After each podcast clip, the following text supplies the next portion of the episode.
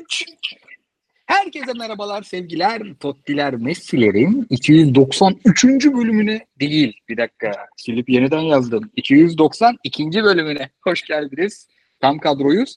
Çok da güzel bir hafta oldu. Fritz hocam ne habersiniz? Süperiz abi. 300'ü alamadım ya. Evet. Hiçbir şey yapmayacağımız 300'ü adım adım. Açık Olsun. konuşalım. Açık konuşalım. Kıyıcı hocam. Herkese merhaba. İyiyiz abi. Ee, yani futbol haftası hem Avrupa'da hem ligde güzel maçlar vardı. Elimizden geldiği kadar takip ettik, izledik. Ee, cephaneleri doldurduk. Konuşacağız inşallah. Sende hangi maç açık? Inter Atletico mu? Ben de Inter Atletico Madrid açık abi ama gözüm de Manchester Brentford'a dönsem mi diye kayıyor yani. Bir şekilde çakacak abi. City Brentford yarım saattir açık bende. Ben de Inter Atletico'ya yanına geliyorum. Ee, çok güzel bir Süper Lig haftası oldu. Yani e, draması güzel, işte mücadelesi güzel, bazı takımların futbolu güzel. Yani 8-10 vereceğimiz nadir haftalardan. Menüyü vereyim. Ee, Beşiktaş'ı konuşarak başlayacağız. Sondan başa gidiyoruz yine. Ee, Beşiktaş'ta ilk yarı oynanmayan oyunu sorarız. İkinci yarıda oynananı sorarız Kıyıcı hocamıza. Biz yoldaydık ikinci yarısında. Ondan sonra Ankara gücü Galatasaray. Her şeyi öveceğiz. Beyler. Yani Barış Alper'in saçındaki bukleye kadar övülecek gibi duruyor. Öyle güzel maç oldu Galatasaray açısından. Ondan sonra Fenerbahçe'nin verdiği reaksiyonu öveceğiz. O yağmurda, çamurda bayağı güzel top oynadılar. Yani güzel demeyeyim de bayağı böyle bir iyi top oynadılar. Yani taraftarını mutlu eden bir top oynadılar. Onu konuşacağız. Sonra Anadolu'dan notlar. Trabzon konuşacağız. Sergen Hoca'yı konuşacağız. Reymanay konuşacağız. Budjema, Alanya Adana Demir, Başakşehir Kayseri. Harika maçlar oldu. Ee, Anadolu büyüklerin e, verdiği keyifleri katladı. Sonra fikstüre bakacağız. Soruları cevaplayacağız. Ve bir saat içinde kapatmayı planlıyoruz. Ee, abi bu hafta devre haftası oldu. Bütün takımları bir yarı konuşacağız. Beşiktaş'ın ikinci yarısı. Ankara gücü Galatasaray maçı ilk yarı bitti. Fenerbahçe, e, Rize Fenerbahçe maçı ikinci yarıdaki reaksiyonlar sayesinde renklendi. Beşiktaş'la başlayalım. İlk yarı beraber izledik Kıyıcı Hocam.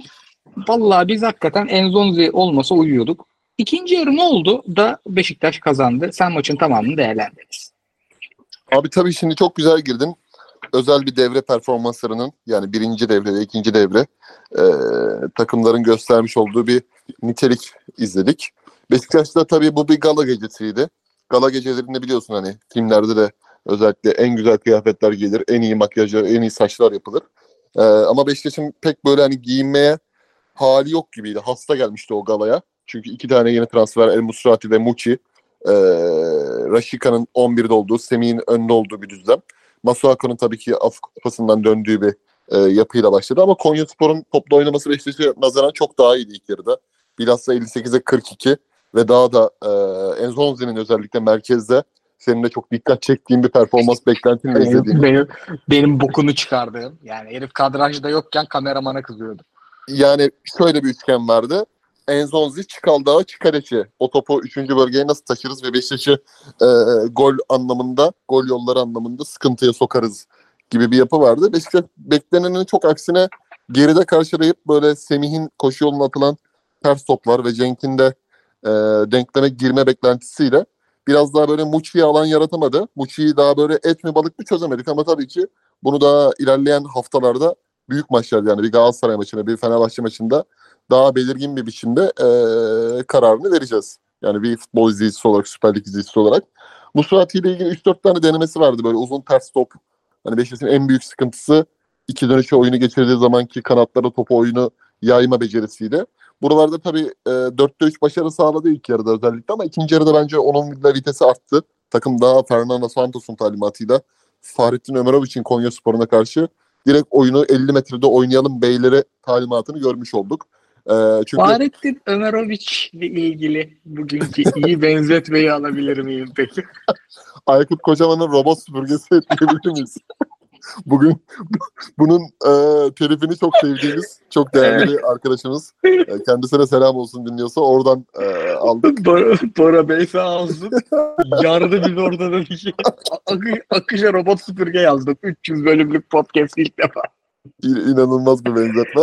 E, tabii e, şimdi şunu görebiliyorsun abi Beşiktaş'ta. İyi futbol iyi futbolcuyla oynanırın. iki tane üç tane eli ayağı düzgün oyuncu da Semih'in arkasına eklemlenince maçı koparmak istediğin anlarda bu adamlar seni biraz öne atıyor. Yani avucundakini kavramak istiyorsun ya o kavramana sana yardımcı oluyor. Avucuna eğer bir şey geliyorsa. Ee, bu bence çok önemli. Çünkü Beşiktaş neticede artık lig koptu. Galatasaray, Fenerbahçe kendi liglerini oynuyor. Beşiktaş, Trabzonspor falan bu takımlar ve aşağıdakiler kendi oynuyor. Taraftar buradaki ligdeki sonuçlardan ziyade kupada bir yol kat edebilir miyiz? Kupaya, bu takım bu kupayı kazanıp da hem Avrupa yolunu açıp da müzeye bir tane kupa getirebilir mi? Bunun için takip ediyor. Ve gelecek sezonun e, Fernando Santos'a devam edecekse nasıl bir iz bırakacağını görsel anlamda onun biraz böyle hocayı biraz tanımaya çalışıyor. Biliyorsun bunu hani Sergen Yalçın'dan sonraki sezon e, Valerian İsmail geldiğinde hani o dönem Önder Karaveli'nin ayrılığından sonra Valerian İsmail ile Beşiktaş sezona girmişti. Yani sezonu devraldığında Valerian İsmail çok müthiş bir fark yaratamamıştı ertesi sezona başlamadan önce. Ama e, her zaman bir ümit vardır. O ümiti de diri, diri tutmak lazımdır ya. Beşiktaş'ta şu an o ümitten ne kadar var olabilir? Ne kadar bu oyuncular kendi potansiyellerini yeni teknik adamla gösterebilir? Bunun tespitinde. Yani mesela Onur Bulut bu takımın sağ olabilir mi? Svensson da bunu götürebilir mi? Buna bakıyorlar. Koley kalacaksak bu takımın stoperi olabilir mi? Getson Fernandez bu hocayla beraber, vatandaşı hocayla beraber skor üretebilir mi? Yani 3 golden fazlasını atabilir mi bir sezon içinde? Bunu görmek istiyorlar.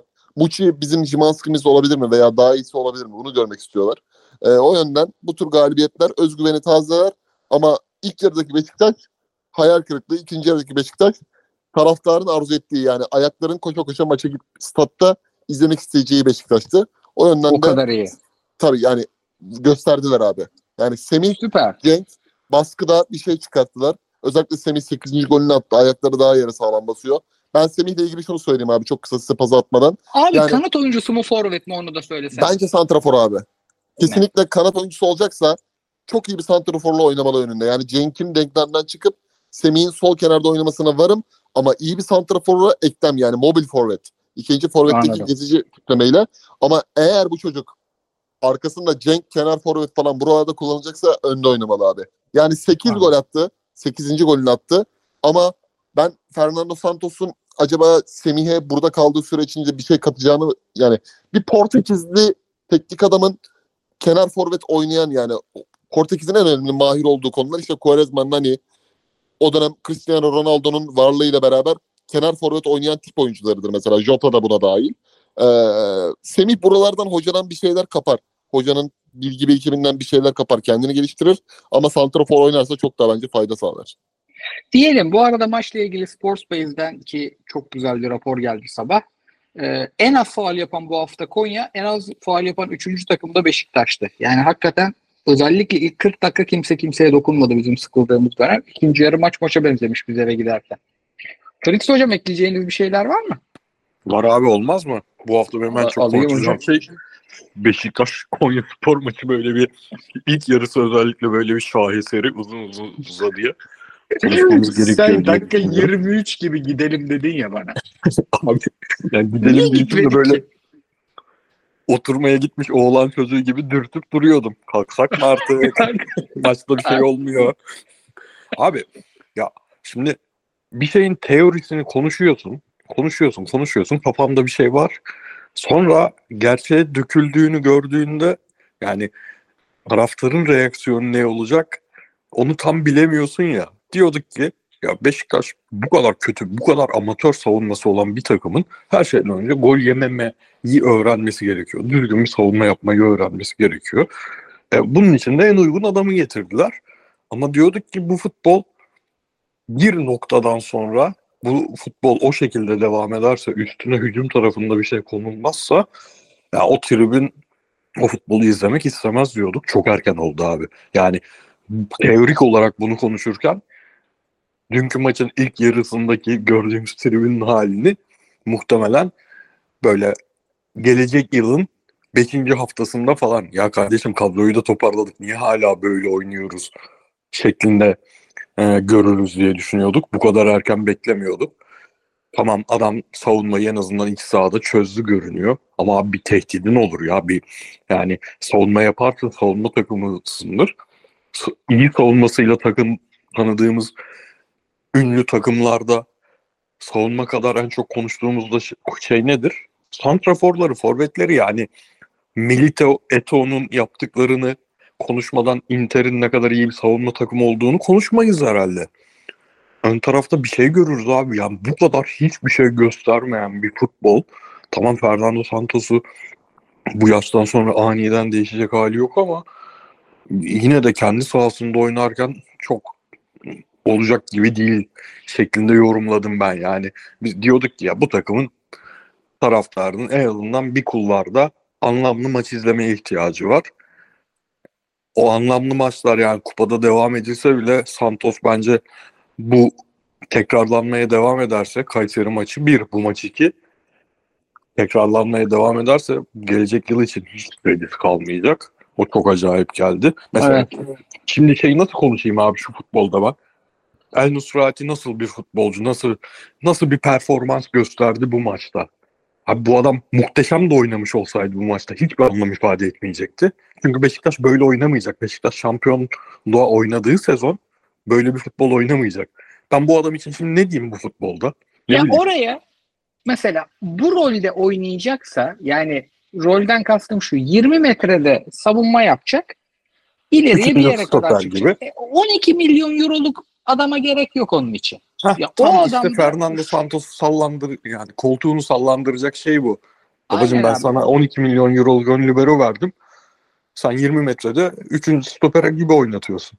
Ben Vallahi- önde basacağım ki bu adamın kıymetini anlayacağım değil mi? O rol, şu an oynadığı rolü Enzonzi'de oynar. Ama Ha. şu an oynadığı rolle Beşiktaş şampiyon mampiyon olamaz. Hani maç sonu açıklamaları olumlu hocanın. Hoca da beğenmemiş. Evet. Ee, yani olmaz böyle futbol demiş. İnşallah bir değişim görürüz sonraki hafta. Mesela bu hafta biraz eğlenerek izledik. Bu nasıl bir futbol abi diye eğlenerek izledik. Haftaya da böyle bir 45 dakika, ikinci 45 dakikayı açmam mesela ben. 7 Ya milyon içeride- tane maç oynanıyor şu an dünyada. Haftaya Beşiktaş'ın maçı oynanırken de tahminen benim izlemek isteyeceğim 3 tane maç oynanıyor olacak. İkinci 45'te hadi baba derim yeter. Yeter ben Evet. kaçıyorum derim. Ee, şey diyeceğim abi. Kıyıcı Onur Bulut falan dedi. Ben bir iyi halinde bir Gerson Fernandez hayranıydım. Ama artık ben de herhalde Gerson Fernandez'in bir futbol takımında oynayacağı pozisyon sağ bek olurmuş gibi geliyor bana. Çok saçma bir şey mi söylüyorum bilmiyorum da. Yo sağ bek yani FM'de bile sağ bek pozisyonu yeşilde hep onun. Oynadı çok. Bu futbolda onun da hiç olmayacağı kesin. Çünkü geç sonu iki tane önünde bir tane on numara özellikli oyuncu, yanında bir tane Nusrati gibi kaliteli orta sahayla oynatacağım pozisyon önde top kazanma becerisi. Topu kazanıp direkt gidecek. Şimdi bu kadar derinde Getson'un da bir anlamı yok zaten. Çok iyi bir Katılıyorum. sağ bek olur gibi geliyor bana. Katılıyorum. Geçiyorum Ankara gücü Galatasaray. Geçmeden abi bir de Abu Bakar'a bir parantez açayım. Islıklandı filan da. Ya Abu Bakar gerçekten bu saç ektirme işini anlamadım ya. Yani Abu Bakar'ın en iyi halinde bile önemli özelliklerinden biri saç değildi. Baba niye aylarını verdi bu mesaiye? Saygım Bir de sonsuz. Ben de kelleşiyorum ama yani arkadan alıp öne ektirme gibi bir durum yani sezdim. Umarım enteresan bir şey olmuş yani. umarım yanlıştır. Bu arada ben o ıslığı da yani Gezeli, Abu Bakar'a beğendim. Çünkü gerçekten takım kötü giderken Afrika Kupası vesaire bunlar için bir sürü bizim bile kulağımıza geldi ki Rozier'in gitme sebeplerinden de biri oymuş. Yani bu refleksleri sevdiğimi belirteyim. Galatasaray öyle geçeyim. Abiler bu arada ben Galatasaray bir dakika. Şu an Galatasaray Fenerbahçe'den sonra oynadı değil mi? Evet sonra oynadı. Son oynadı. Sıramız doğru tamam. Ya sondan başa gidiyoruz ya yanlış yapmayalım. Abi çok tek taraflı bir maç oldu. Yani öyle bir tek taraflı bir maç oldu ki özellikle rakip yokmuş gibi 30 dakikada biten. Yani herkes iyi. Ya şunu beğenmedim diyebileceğim oyuncu yok. İşin enteresan tarafı yani golde inanılmaz bir e, artık yani topu alıp götürüp attı resmen. Ki aynı e, şeyin e, benzerini Mönye ile de yaşadık. E, Trabzon maçında. Bu adam stoper. Yani Davinson'un o inanılmaz golü olmasa atması kolay yaratması zor. E, şu çok parladı da demeyeceğim. Yani Ya hocayı övsen, e, hoca her hafta bunu oynatıyor. Ya, o kadar iyi bir galibiyet ki. Övmeyeceğimiz şey yok. Ee, Felix hocam önce siz başlayın bakalım neyle öveceğiz? Neyle öveceğiz? Çok büyük efor sarf, sarf edilen bir Avrupa maçından sonra bir deplasmanda enerjiyi överim ben. Çünkü beklemiyordum. Ee, bundan önce Şampiyonlar Ligi döneminde benim hep eyvah lan keşke başka rakipten gelseydi Şampiyonlar Ligi dönüşü dediğim maçlar genelde iyi geçiyordu. Ama hiçbirinde böyle bir enerji görmemiştik. Öveceğim en net şey bu olur. Bunun ne fiziksel olarak sağlaması kolay ne de en çok da mental olarak sağlaması kolay. Yani Avrupa maçından çıkıyorsun ve şey e, orada yine sadece fiziksel değil mental olarak da çok fazla e, yıpranma yaşadığın maç içinde finalinde çok fazla duygu patlaması yaşanan bir maçtan çıkıyorsun ve zor bir taraftar grubunun önüne gidiyorsun. Bu üstüne de lan bu adam bir maç kaçırsa Galatasaray'ın puan kaybı net diye düşündüğümüz adam kesilmiş olarak sahaya çıkıyorsun. Ee, muhtemelen burada diri bir Ankara gücü olsa ve Galatasaray puan kaybetse Okan Hoca kredisinden yiyeceği bir mağlubiyet ya da beraberlik olurdu. Torreira'yı nasıl oynatmazsın kardeşim ile başlanırdı. Bu takımda herkes kesilir. Icardi de kesilir. Bu adam kesilmez. Bu kadar kafa kafaya giden bir şampiyonluk yarışında falan denirdi. Hoca bu kararları geçen seneki Beşiktaş, ilk Beşiktaş maçından itibaren artık o maç demiştik yani böyle bir kararı almak kolay değil. Çünkü işte orada Barış Alper'in en sevilmeyen halinde ilk 11 santrafor başladı e, bir düzen vardı. Barış Al santrafor muydu? Sağ açık mıydı? Şimdi yanlış söylemeyeyim de sağ açık sanırım. E, onda kelle götürecek bir maçta yaptın o hamleyi. Üstüne... Santrafor'da biliyor musun? Yok Fener maçında santrafordu. Beşiktaş maçında sağ açıktı sanırım. Ha özür dilerim.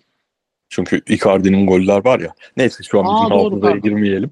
Ee, üstüne hep böyle kilit maçlarda çok hocanın kredisini götürecek hamleleri yapıp o hamleyi yapmak bir şey. Üstüne bir de başarılı olmak. Üstüne bir de sezonun en iyi futbollarından birini oynamak. Yine yani dönüp dolaşıp Okan Buruk'un becerisine geleceğiz. Ee, Davinson Sanchez'in goldeki mesela durumu normalde beni çok tedirgin eden bir durum. Çünkü artık Sasha Boy da yokken önde baskıya gittin. Orada e, top kazanıldı. Koşuya devam etmek benim normal şartlarda üçlü oynamayan bir takımın stoperi için çok fazla şey bulduğum bir durum. Çünkü Davinson kafada gidebiliyor ya United hı hı. maçında yenilen gol falan. Ee, işte ama gittiğinde de inanılmaz bir vuruş yaptı. Orada vuruşun kalite has, vuruşun kaliteye hasta oldum. Ama abi işte ligde de dönüp dolaşıp yine şuraya geleceğiz. Maç sonu Emre Hoca'nın açıklama. Karşımızda ligin acayip en iyi, şöyle acayip kadro, böyle acayip kadro. Bunu Fener'e kaybeden hocalardan da, Galatasaray'a kaybeden hocalardan da duyduğumda ben çok ifrit oluyorum abi. Yani bak Sparta Prag tamam bütçesi daha yüksek. Düzenli Avrupa oynayan bir takım falan filan ama Sparta Prag'ın da kalitesi ortadaydı ve Sparta Prag bir şey oynadı Galatasaray abi. Yani bu kadar hiçbir şey oynamayacak bir durum yok Fener'e de Galatasaray'a da karşı. Şu açıklamalar beni ifrit ediyor. Bu sene duymaktan çok sıkıldım. Yani zaten o kadar yumuşak bir takım çıkarmış ki orta sahayı gördünüz değil mi abi? Şey, yani abi. Ankara gücün yani Galatasaray'a böyle yumuşak bir orta saha çıkarmak ne cesaret. Yani gerçekten ne cesaret ya. Çok kolaylaştırdı için yani hocanın çıkardığı 11. Katılıyorum. Katılıyorum. Bu kadar abi. Kıyıcı hocam size de pası aynı soruyla. Çünkü mesela ben Davinson'u e, akışın sonuna yazmışım bizde. Filiz Hoca baştan eledi. Biraz da köyünü nasıl buldun soslu sorayım. Abi şöyle o zaman ben köyüne bağlayarak gireyim maçın gidişatına göre. Şimdi Galatasaray'ın Şubat ayında yani bu 29 günlük süreçte çok ciddi hem Avrupa Ligi hem de kupa hem de lig olmak üzere bayağı maç sayısı var artık. Bu tabii 8 mi 9 mu bilmiyorum. Yaklaşık bu kadar bir maç sayısı vardı. Şimdi benim bir teknik adamda bu tabii tuttuğum takım olduğu için Galatasaray özelinde daha çok e, sevdiğim, keyif aldığım şey şudur. Bir kadro inşa edersiniz. İnşa ettiğiniz kadronun üstünde o kadroyu belli bir rolantide de olsa oyun gücü olmasa da skor gücünü kopararak belli bir noktaya da götürürsünüz. Ama işler sıkılaştığı zaman o teknik adam kendi inşa ettiği yapının içerisinde o kadronun bazı dizginlerini kendi istediği biçimde kontrolünü ele alır. Ben Ankara gücü maçında Ankara gücü gibi Emre Belezoğlu'nun bir şeyler yapmaya çalıştığı yani seyrettiğim için bunu söyleyebilirim özellikle Ankara gücünü program gereği. Bir şeyler yapmaya çalıştığı en azından mücadele anlamında e, iyi bir takım Ankara gücü. Yani sahada rakibe karşı boşluk bırakmamaya özen gösteren, kontra geçişlerde o topu rakibine karşı sağdan soldan tehdit yaratabilen bir takım. Ee, ama Galatasaray yok etti abi. Bak yok etti. Yani ilk Harbi yarıda, yok et. ilk yarıda nereden baksan 20 şut, 3 gol, oyunun PDA'sının verilerine bakamadım detaylı şekilde ama gördüğüm üzere gerçekten yüksek. Torreira'yı dinlendiriyorsunuz. Çok doğru bir kararla. Abdülkerim'i dinlendiriyorsunuz ve Kaan'ın dinlendiriyorsunuz. Böyle bir Ankara gücü gibi anlattığım Ankara gücünün yani o geçişleri o Sov'un, Çepas'ın falan yapacağı geçişleri düşünerekten yapılan şey teknik direktörlüktür. Kolay gibi Galatasaray'ın kadrosu iyi. Evet Galatasaray'ın kadrosu iyi ama kadronun iyi olma sebebi çok iyi kadroyu eline alan bir teknik direktör becerisidir. Yani Bir de ka- abi kadronun iyiliği şu. Bak bu kadro her hocaya iyi değil biliyor musun? tabii tabii kadro Galatasaray'ın bir tane beki var ha. Tabii ki abi yani o kadar artık böyle zor şeyleri Okan Buruk ve teknik ekibi kolay gibi gösteriyor ki yani abi bu hakikaten yani yaklaşımla alakalı. Oyuncu grubunun antrenörün meziyetlerinin kabul etmesiyle alakalı. Bak bazı oyuncular vardır abi. Hakikaten yönetmek gerçekten çok zor. Hakim Ziyeh mesela olmadı. O, bak olmamış Hakim Ziyeh'ten bile bir United maçında Avrupa turu alabildin yani. O United'a karşı maçı 3-3'e geldi. Sen UEFA'ya devam ettin. Bak orada bile küçük bir şey çıkarttı. Wilfred Zaha eleştiriliyor. Eleştirildiği yerler doğru. Bazı yerler yanlış. Bir şekilde skor katkısı alabildi. Hani bak Kerem Demirbay abi. Torreira ile ilgili yanında biz Sergio Oliveira'yı ama dönsek oldu mesela sezon başında. Kaan Ayhan konuldu. Ama Kerem Demirbay o kadar böyle dinlendirerek oynuyor ki oyunu ve çok tatlı bir oyuna döndürdü kendini. Bunun dönüşümünü sağlayan Okan Hoca'nın varlığı. Yani e, Davinson Sanchez mesela rakip Türkiye'deki stoperlerin hepsinden birkaç kimlik gömlek yukarıda oyun oynuyor. Oyun kurulumunda, koşulardaki arkadaki stoperi rahatlamalarda mesela sağ stopere kendini konumlandırıp diğer stoperin oradaki varlığıyla beraber e, takımın çıkışlarında bunların hepsi bir teknik direktör bence meziyeti. Oyuncu kalitesinin üzerine ekstra katılan şeyler. Ki zaten Okan Hoca da skoru aldıktan sonra Sparta Prag deplasmanı düşünerekten çok doğru bir şekilde oyunun demini aldırdı ve rolantiye çekti. Hani sakatlık olmasına döndü artık iş. Ee, bazı noktalarda rakibi derinde karşılayıp acaba 3'ü 3'ten sonra 4'ü 5'i bulabilir miyiz'e döndürdü. Abi Ee, şeyi hatırlattın bana özür dilerim. Lafını böldüm. Yok abi. 2000, 2000 sezonu UEFA'ya aldığımız sezon şey olurdu. Yine böyle maçlar ertelensin falan filan kavgaları çıkardı. Ee, ilk yarı işte o zaman işte evde maçı izlemek şansı olan çocuklardan da. İlk yarıda maçı izlerdim. ikinci yarıda futbolcu kartlarıyla maçı oynardım. Galatasaray o kadar rölantiye alırdı ki Fatih Hoca maçı. Ya tamam ilk yarıda 3 tane yaptık. Avrupa maçı var rölantisi. Televizyon başında çocuk kafa sıkılırdım. Futbolcu kartlarıyla kendim top oynardım televizyonu karşısında. Galatasaray 3-4 haftadır onu yapıyor. Kesinlikle abi yani Okan Hoca'nın zaten bu sezonu bence geçen sezondan yani biz bu sezonun atıyorum almanakı çıktığı zaman şampiyonlukta bittiğinde şunu diyeceğiz yani. Çünkü başarıyla taşlandığında ya ilk sezonu da iyiydi veya üçüncü sezonunun ortasında sonunda da şampiyon olursa diyeceğiz. İkinci sezonunda da o kadrodaki dengeyi nasıl sağladı? Mesela Köln geliyor. Tamam oyuncu Alman altyapısı. Bundesliga, Gana asıllı Alman. Orada belli bir kimlik ve o sol bek disiplini, sağ bek disiplini e, olan oyunculardır zaten Alman futbolundan gelen oyuncular. Mesela sistem hemen adaptasyon sağladı. Sadece yakın markajda bir takım sorunları var. Ama 40 yıllık Galatasaraylıymış gibi oynadı mesela. Bu çok önemli. Yani zaten Okan Buruk bir hikaye yazacaksa ben hep şunu diyorum abi. Bir inşa edilen karşı pres, bas, baskı, ön alan baskısındaki doğru yerleşim, yani doğru durma, sağ içinde doğru pozisyon alma. Bunlar zaten var. Sadece buraya siz çok güzel bir istiridyeli makarna yersiniz ama üstündeki mesela sosla unutamazsınız ya o tadı verir. Okan Hoca'nın yaptığı da şu an bu. İstiridye mantarının üstündeki sos. O ağızdaki mutlu bırakan tat, o damak tadını veren tat. Okan Hoca'ya sadece böyle şeyler lazım artık. Yani bir daha Kerem Demirbay'ın üzerine de çıkabilecek bir orta saha kalitesi kalıcı şekilde. İyi bir Boya'nın yerine Sabek eklemlenmesi gelecek sezon. Kön, Kön'ün arkasına alternatif yaratabilecek bir oyuncu. Bak Berkan Cenova'da oynamıyor. Başka bir idman yapmış. Başka bir iklimde başka bir idman yapmış. Geliyor burada sol bek oluyor. Hani Berkan'ı Stefan Kuntz da sol beke koydu. Neler denildi yani. O Berkan bu Berkan değil çünkü. Bu Berkan başka yani. O, o teknik direktörünün söylediği şeyleri birebir sahaya gösterebilen. Sparta Prag maçında takımın en iyilerinden biri elinden gelen yapan, yapacak şekilde. E, bu maçta da öyleydi. Bu maçta da öyleydi. Ki hani Hoca şey diyor. Ben çok iyi bir aşçıyım. Bak ben çok iyi bir aşçıyım. Benim lokantama, benim restoranıma geldiğinizde çok güzel bir yemek yersiniz.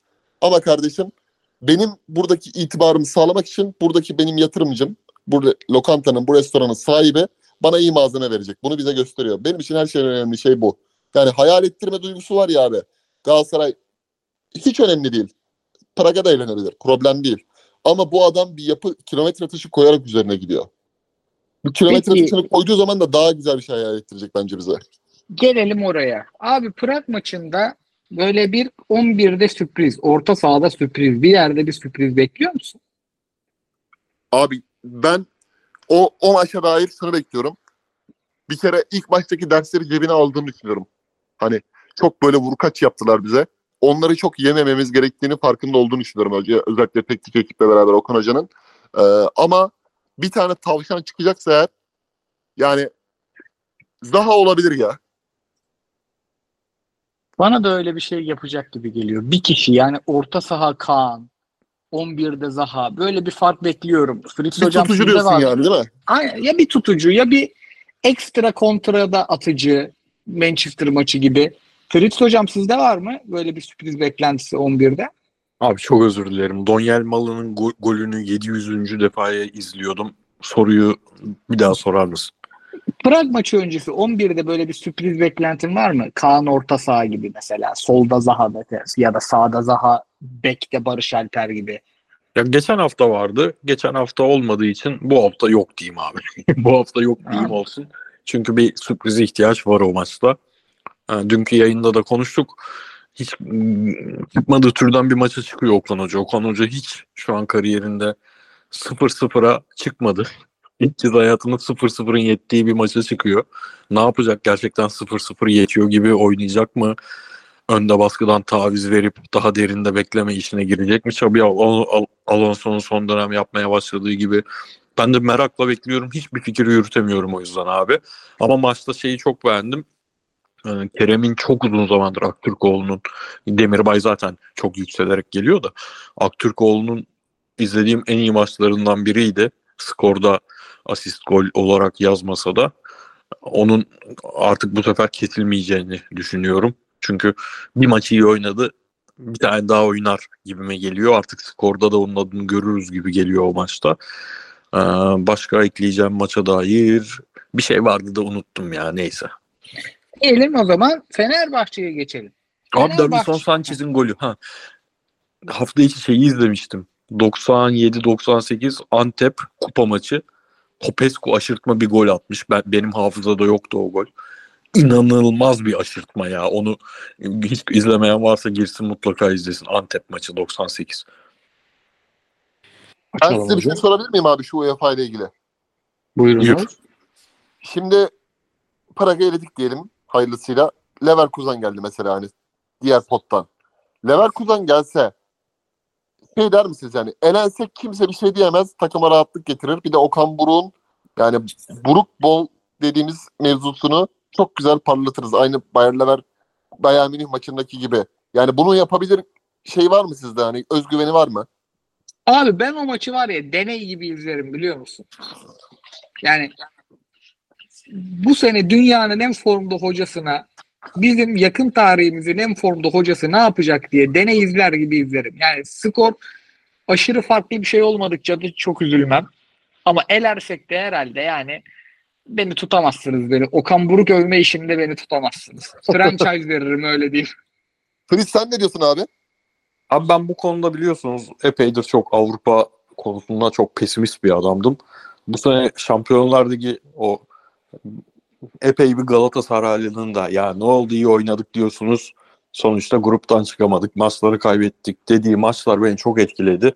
Benim Avrupa'ya bakışımı bir Türk takımı en azından hem fiziksel direnç olarak hem me- mental direnç olarak bunu hala yapabiliyormuşu bana gösterdiği için ben önceden olacağımdan çok daha rahat izlerim.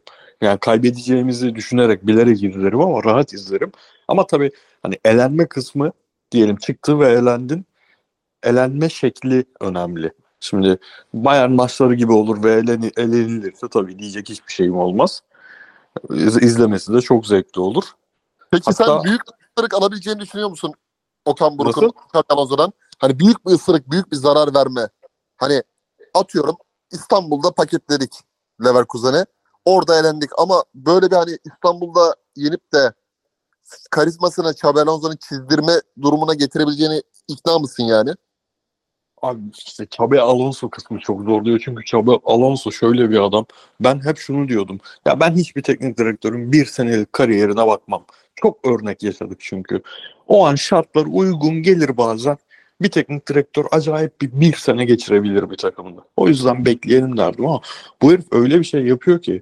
Bir, Okan Buruk'a o açıdan çok benziyor. Ekibiyle beraber inanılmaz maç maç hazırlanıyor. Yani Avrupa'da oynadığı maçlar aynı.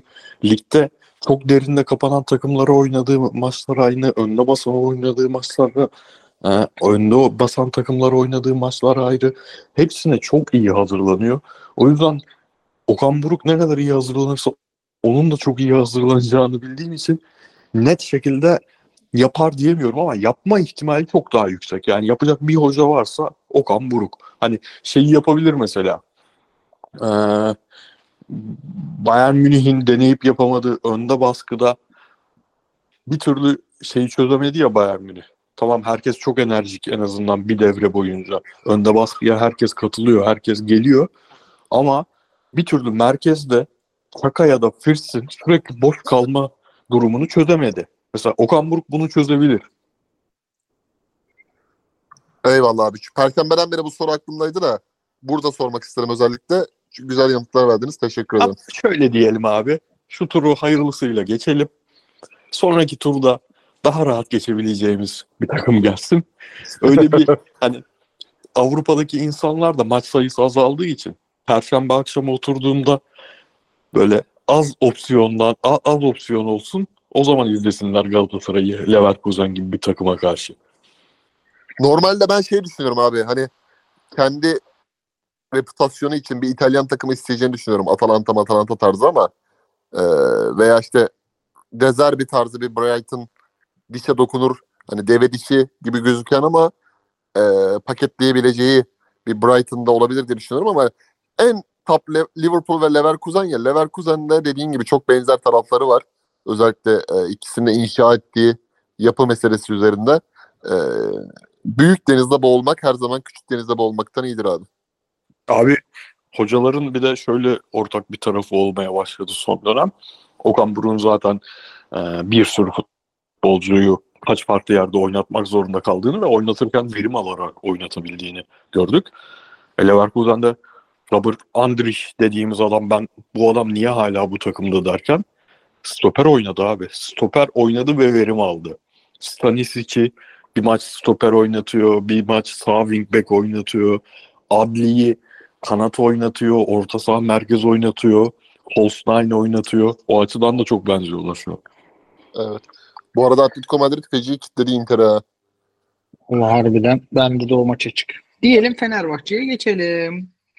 Fenerbahçe çok ihtiyacı olan bir reaksiyon galibiyeti aldı ve bu reaksiyonu sadece oyuncuların vermesi yetmezdi. Çünkü e, tercihlerinden dolayı İsmail Kartal da e, kolay bir zaman geçirmiyordu. Özellikle içerideki puan kayıplarından dolayı.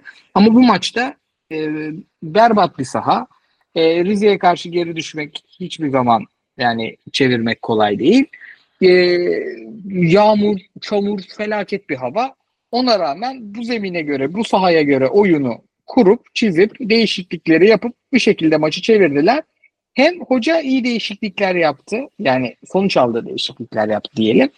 Hem de e, yaş ortalaması yüksek hücumcuları var. Ceko gibi, Tadic gibi.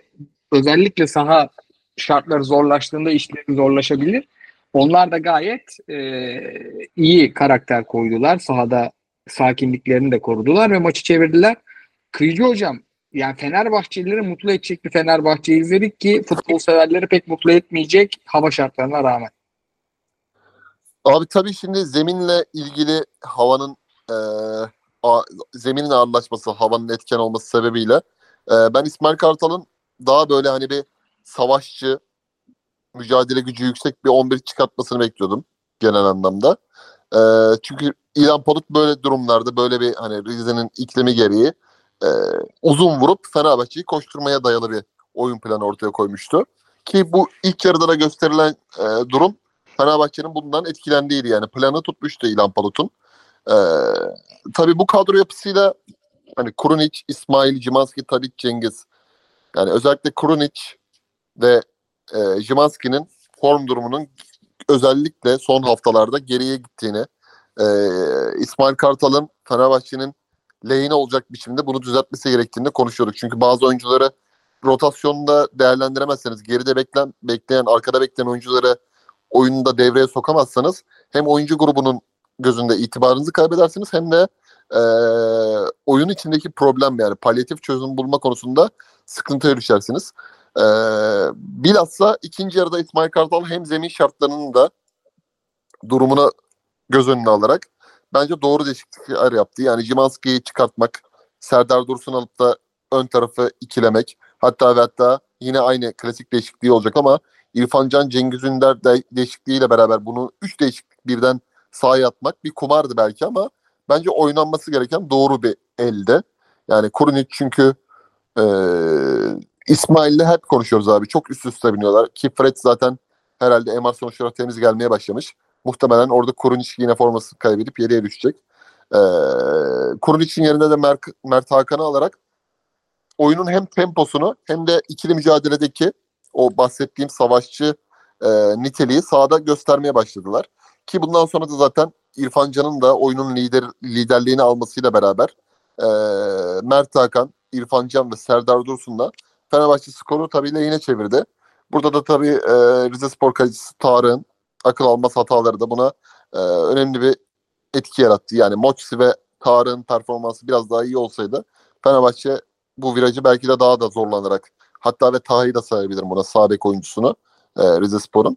E, yani Rize Spor adına beğendiğim kim vardı dersen biraz ön taraftaki Minşev'i beğendim. Biraz da tabii ki e, saydığım isimlerin yanında reputasyonu gücü çok daha yüksek olan Premier Lig oyuncusu John John Shelby'nin performansını sayabilirim. Ama İsmail Kartal'ın özellikle ve özellikle ikinci yarıdaki hamlelere bence camiaya şunu gösterdi. Kendi, kendine de bence bunu gösterdi teknik ekibiyle beraber. Hak eden oyuncu formayı alır. Hak etmeyen oyuncu kenara gelir. Yani bunu Jimanski de yaptı bilhassa. Kurunişlere gösterdi. Ama bunu bazı isimlerde de mesela göstermesi gerekiyor. Mesela Dušan Tadic. Yani Dušan Tadic'in de dokunulmazlığının zamanla alınması gerekiyor diye düşünüyorum Fenerbahçe'nin oyun gücü için. Çünkü e, bir Tadic'e bakıyorum bir de Zaha'ya bakıyorum. Bir Zaha'ya yapılan eşitlere bakıyorum bir de Tadic'e bakıyorum mesela. Hani Tadic konusunda Fenerbahçe'nin bazı anlarda gerçekten el freni olduğunu düşünüyorum oyun içinde. Yani o İrfan'la Cengiz'i değiştirme konusu en büyük saplantısı zaten İsmail Kartal'ın. Tribünde de bence en büyük saplantısı. Ee, buraları eğer minimize noktaya çekebilirse Fenerbahçe iç, özellikle iç sahada yaşadığı sendromu daha da azaltabilir diye düşünüyorum. Felix Hocam siz ne eklersiniz? Yani bence çok kritik virajdı Fenerbahçe için. Bunu dönemeseydi cidden e, psikolojisi çok bozulacaktı ve e, biraz böyle hani dramasıyla da faydası oldu bence önümüzdeki maçlarında Fenerbahçe'nin. Abi bizim için de faydası oldu. Normal şartlarda şu zeminde oynanan bir maçın konuşulacak bir tarafı yok. Bu maçı Rize Spor 3-0 kazansa da konuşulacak bir tarafı yok. Fenerbahçe 3-0 kazansa da konuşulacak bir tarafı yok. Teknik direktörlerinin en fazla yapacağını eleştirici, eleştiri şey olur. Ya kardeşim işte böyle zeminde şöyle adam kullanacaksın eleştirileri var ya o olur. Hiçbir şey konuşamadan geçecektik normal şartlarda dediğin draması olmasa. Yine dediğin gibi abi dakika 45 devre arasına gidiyorsun. Ben e, sos, Twitter'a o ara hiç bakmadım da muhtemelen inanılmaz bir yangın yeri Twitter. E, muhtemelen soyunma odasında eller ayaklar titriyor. İnanılmaz bir zemin var. Ne, nasıl çevireceğiz bu maçı diye. Ve üç tane değişiklik yapıyorsun. Şimdi şey diyen de çok. Ya kardeşim yanlış 11 yaparsan tabii üç tane değişiklik yapacaksın diyen de çok da Twitter'da, Twitter diyorum, genel medyada bir anti e, İsmail Hocacılık var ya, ya, acayip seviyede bir anti İsmail Hocacılık. Haklı tarafları olabilir, onu bilmiyorum da. Abi bir adamın sürekli yaptığı değişikliklerle özellikle vuruyorken, eleştiriyorken iyi değişiklik yaptığında da bu sefer demek ki yanlış 11 ile çıkmışsın gibi bir eleştirinin gelmesi falan orada hocaya karşı olan acayip durumu gösteriyor bence. Yani ne yapsaydı abi adam tamam yanlış yapmış ve 45'te vazgeçmiş. Benim çok sevdiğim bir şey 45'te gelen değişiklik. Bu adam 45'te 3 oyuncu değiştirmiş. Ama zeminden de bağımsız. Hani bu zeminde Şimanski zaten oynamazdı. Şu zaten oynamazdıdan bağımsız. Zemin iyi olsaydı bile son dönem formuyla Şimanski'nin 11 çıkması çok tuhaf geldi bana. Yani zaten harbi o bunda iştirak ediyorum eleştiriye. Niye çıktı abi Şimanski 11 yani? Bütün hafta İrfan Cengiz beraber oynasın dendi ve bunun tersini göstermek için mi yaptı bu tercihi anlamadım. Ama eğrisi doğrusuna çok denk geldi. Serdar Dursun özellikle maç bittiği gibi hemen açıp şeyine baktım. Serdar Dursun ısı haritasına baktım. Yani tam tahmin ettiğim gibi. Tam tahmin ettiğim gibi ee, sahanın her yerinde bir şekilde var olmuş. Sahanın her yerinde diğer golü atmamış olsaydı bile arkadaşlarını ayağa kaldırmış bir performans olarak belki bundan sonra bir tane daha gol atacak öyle bitirecek bu sezonu onu bilemem ama çok kıymetli bir taraf getirdi e, olmayan bir şey getirdi o anki çünkü kafa kırık adam lazımdır ya abi psikolojiler çok kötüyken Serdar evet. Dursun da şu an herhalde o tip normal insanların çok etkileneceği durumlardan aman işimize bakalım hadi beyler havasında oynayacak nadir oyunculardan. E, Mert Hakan'ı ekleyince üst üste iki tane doğru pas. Biraz iyi mücadele. Sonuç geldi. Ama dediğim gibi yani bu zemin işi bilmiyorum abi ya zemin işinden bile bu kadar kutuplaşmayı ben aklım ya iki takımın da demesi gereken şey şu şuyken ya yeter artık düzgün zeminlerde top oynamak istiyoruz de, demek gerekir ya.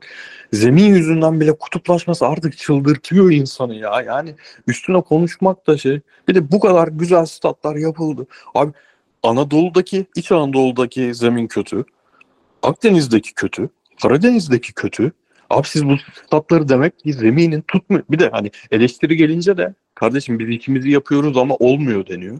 Abi nerelere yaptınız ki siz bu statları? Şehirlerden kopardınız tamam.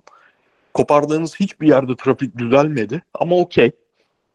Mantıken hani tamam trafik şehrin içinde olmasın falan filan. Hiçbir faydası olmamasına rağmen. Nerelere yaptınız da hiçbir yerde zemin tutmuyor ya. Özellikle mi en tutmayacak yerlere yaptınız bu zeminleri acaba? Bir de abi stadyumların mimarisinin hepsi aynı. Güneş alacağı yere göre falan tasarlanan da çok az yani. Ya bütün tribünler aynı yükseklikte olacağı bir memlekette yaşamıyoruz. Onu söyleyebilirim. Evet. Maalesef. Kimin bir yerden güneş alması lazım ya da belli daha uzun bir süre alması lazım. Diyelim geçelim Anadolu'dan notlara. Anadolu'dan notlar. Bu sefer bayağı bir maç izledik. Trabzon bir devre vardı, bir devre yoktu. Fenerbahçe'nin ikinci devresini, Beşiktaş'ın ikinci devresini, Galatasaray'ın ilk yarı işi bitirişini konuştuk. Burada da Trabzon'un ilk yarı yoktu. Çok kötüydü. İkinci yarı e, maçı kazanacak topu oynadı. Sergen Hoca feci sıkıntıda. Yani takım 40 dakika top oynuyor. Uzatmalarla 60 dakika duruyor sahada ve İstanbul Spor o kadar kan kaybetmesine rağmen 2-0'dan döndü. Bu gerçekten hani alarmlar çalıyor. Yani Sergen Hoca'nın görevi sağlamdadır da takımla ilgili alarmlar çalıyor. Belli ki bir ayar istiyor. Reymanay ve Bucema karşılıklı harika goller attı. Hatay bu hafta en çok pas yapan, en çok topla oynayan, hücum e, şeylerinde, istatistiklerinde de hep en önlerde olan takım Sivas'a karşı. Yani bu kadar zorluklu, bu kadar kötü sonuçlarla bu top oynamaları takdire şayan. Alanya Adana Demir. E, çok dramatik maç oldu. Yani son go- bence Alanya kazanmayı hak etmişti. Ben Muhteşem maç oldu muhteşem. Harika oldu abi. Zaten hepsini toptan soracağım size yani. Sizin izledikleriniz, yani siz de bu maçların çoğunu izlediniz. Bence Alanya'nın 3 puanla yazık oldu. Yusuf Sarı harika top oynadı ama yani sadece goller değil yırtındı. Bir de Balotelli o göbekle sahaya çıkıyorsa Adana Demir'de ben de oynarım. Yani Murat Sancak taraftarları şey böyle space odalarında bağırıyor çağırıyor da yani bayağı gö- pilot kameradan seçilen göbekle santrfor oynuyor yani. Esas fırçayı yemesi gereken bence onlar. Başakşehir Kayseri. Başakşehir'i iyi bulmadım. Kayseri çok fazla uzun topla bir şekilde eee, geçmeyi başardı Başakşehir savunmasını. Burak Yılmaz Ve- ilk 3 puan değil mi? Evet ilk 3 puanla aldı. O da çok dramatik bitti. Yani son maçın son anında penaltı kaçırdı Başakşehir. Kayseri kalecisi kurtardı ki eleştirilen bir kaleciydi. Fritz Hocam bu maçı sizler de izlediğiniz bu maçları ekleyeceğiniz çıkaracağınız bir şey var mı? Abi Alanya maçı dediğim gibi çok zevkliydi. Aynı anda ya benim stil şey böyle genelde. Televizyondan bir maçı açarım. Sonra bilgisayardan öbür maçı açarım. Hangisi iyiyse televizyonu onu alırım. Alttan öbürüne bakarım. Ya Lazio Bologna maçı vardı sanırım aynı saatte. Öyle bir maç vardı. Alttan açtım Lazio Bologna'yı. iki dakikaya yukarı geçerim diye. Kapattım abi. Direkt ekranı da kapattım. Sadece Alanya Adana'yı izledim. Harbi süreçte. E, iyi, iyi maçtı abi. Bayağı iyi maçtı. Adana Demirspor sahada yoktu uzunca bir süre. Hiç yoktu. Ama e, 25 numaralı orta sahası adını unuttum. Candiyaş'a benziyor ismi. Candido mu ne? Bir anda çıktı topa eliyle vurmak istedi. Ne sağında Ha. ne solunda kimse varken eliyle vurmak istedi. Babanın canı onu çekti an. 2-1, 2-2. Hoca işte sahaya Yusuf Erdoğanları falan attı. Ee, dediğin gibi Balo, Balo- Balotelli ve Göbeği oyundan çıktı. Hareket geldi haliyle. Yusuf Barasi girdi onun yerine. Jose Rodriguez falan girdi. Bir hareket geldi. Maçın son anlarında free oldu. Ben arkadaşlara dedim şey alın Nani free gol atacak. Ee, bahis alın. Adana Demirspor'un golü geliyor.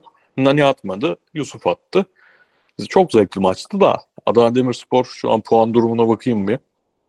Bal, yani, ba, ba- Balotelli'nin durum biraz şey gibi abi çıkarken neredeyse bütün Alanyalı oyuncular falan geldi, öpüştü falan. Yani gösteri maçına çıkıyormuş. Çok ünlü futbolcu koyulmuş sahaya da biraz öyle bir durum gibi görünüyor maalesef. Çok iyi ışık vermiyor. 32 puanda Adana Demirspor. Antep 28. Geçen hafta konuştuk. Arada çok takım var ama öyle arada çok takım var da çok bu takımların hepsi aynı anda maç kazanmaya başlayabilecek takımlar. Sıkıntılı yani durum. İşler kötüye giderse abi yeni bir Koyeke vakası çıkabilir mi oradan? Bal, şeyle mi bal, ba- ben niye Balotelli diyemiyorum ya? Balotelli ile Hikmet Hoca arasında. Abi ya onunla çıkar. Orta sahaya Maestro diye bir topçu almışlar. Aman En Allah'ım. maestro olmayan adam biliyor musun? Geçen hafta şeye dedim ya abi. e, Beşiktaş'ın aldığı Muçi'ye. Ya çok tatlı bir isim de böyle daha dolu dolu bir nickname mi alsan acaba dedim. Maestro baba nasıl yapıştırmış Maestro'yu. Mesela abi bu özgüven 20 yaşında bu çocuk. Demiş Maestro diyeyim bana ya. Budur abi. Topçu olacak bu çocuk bak.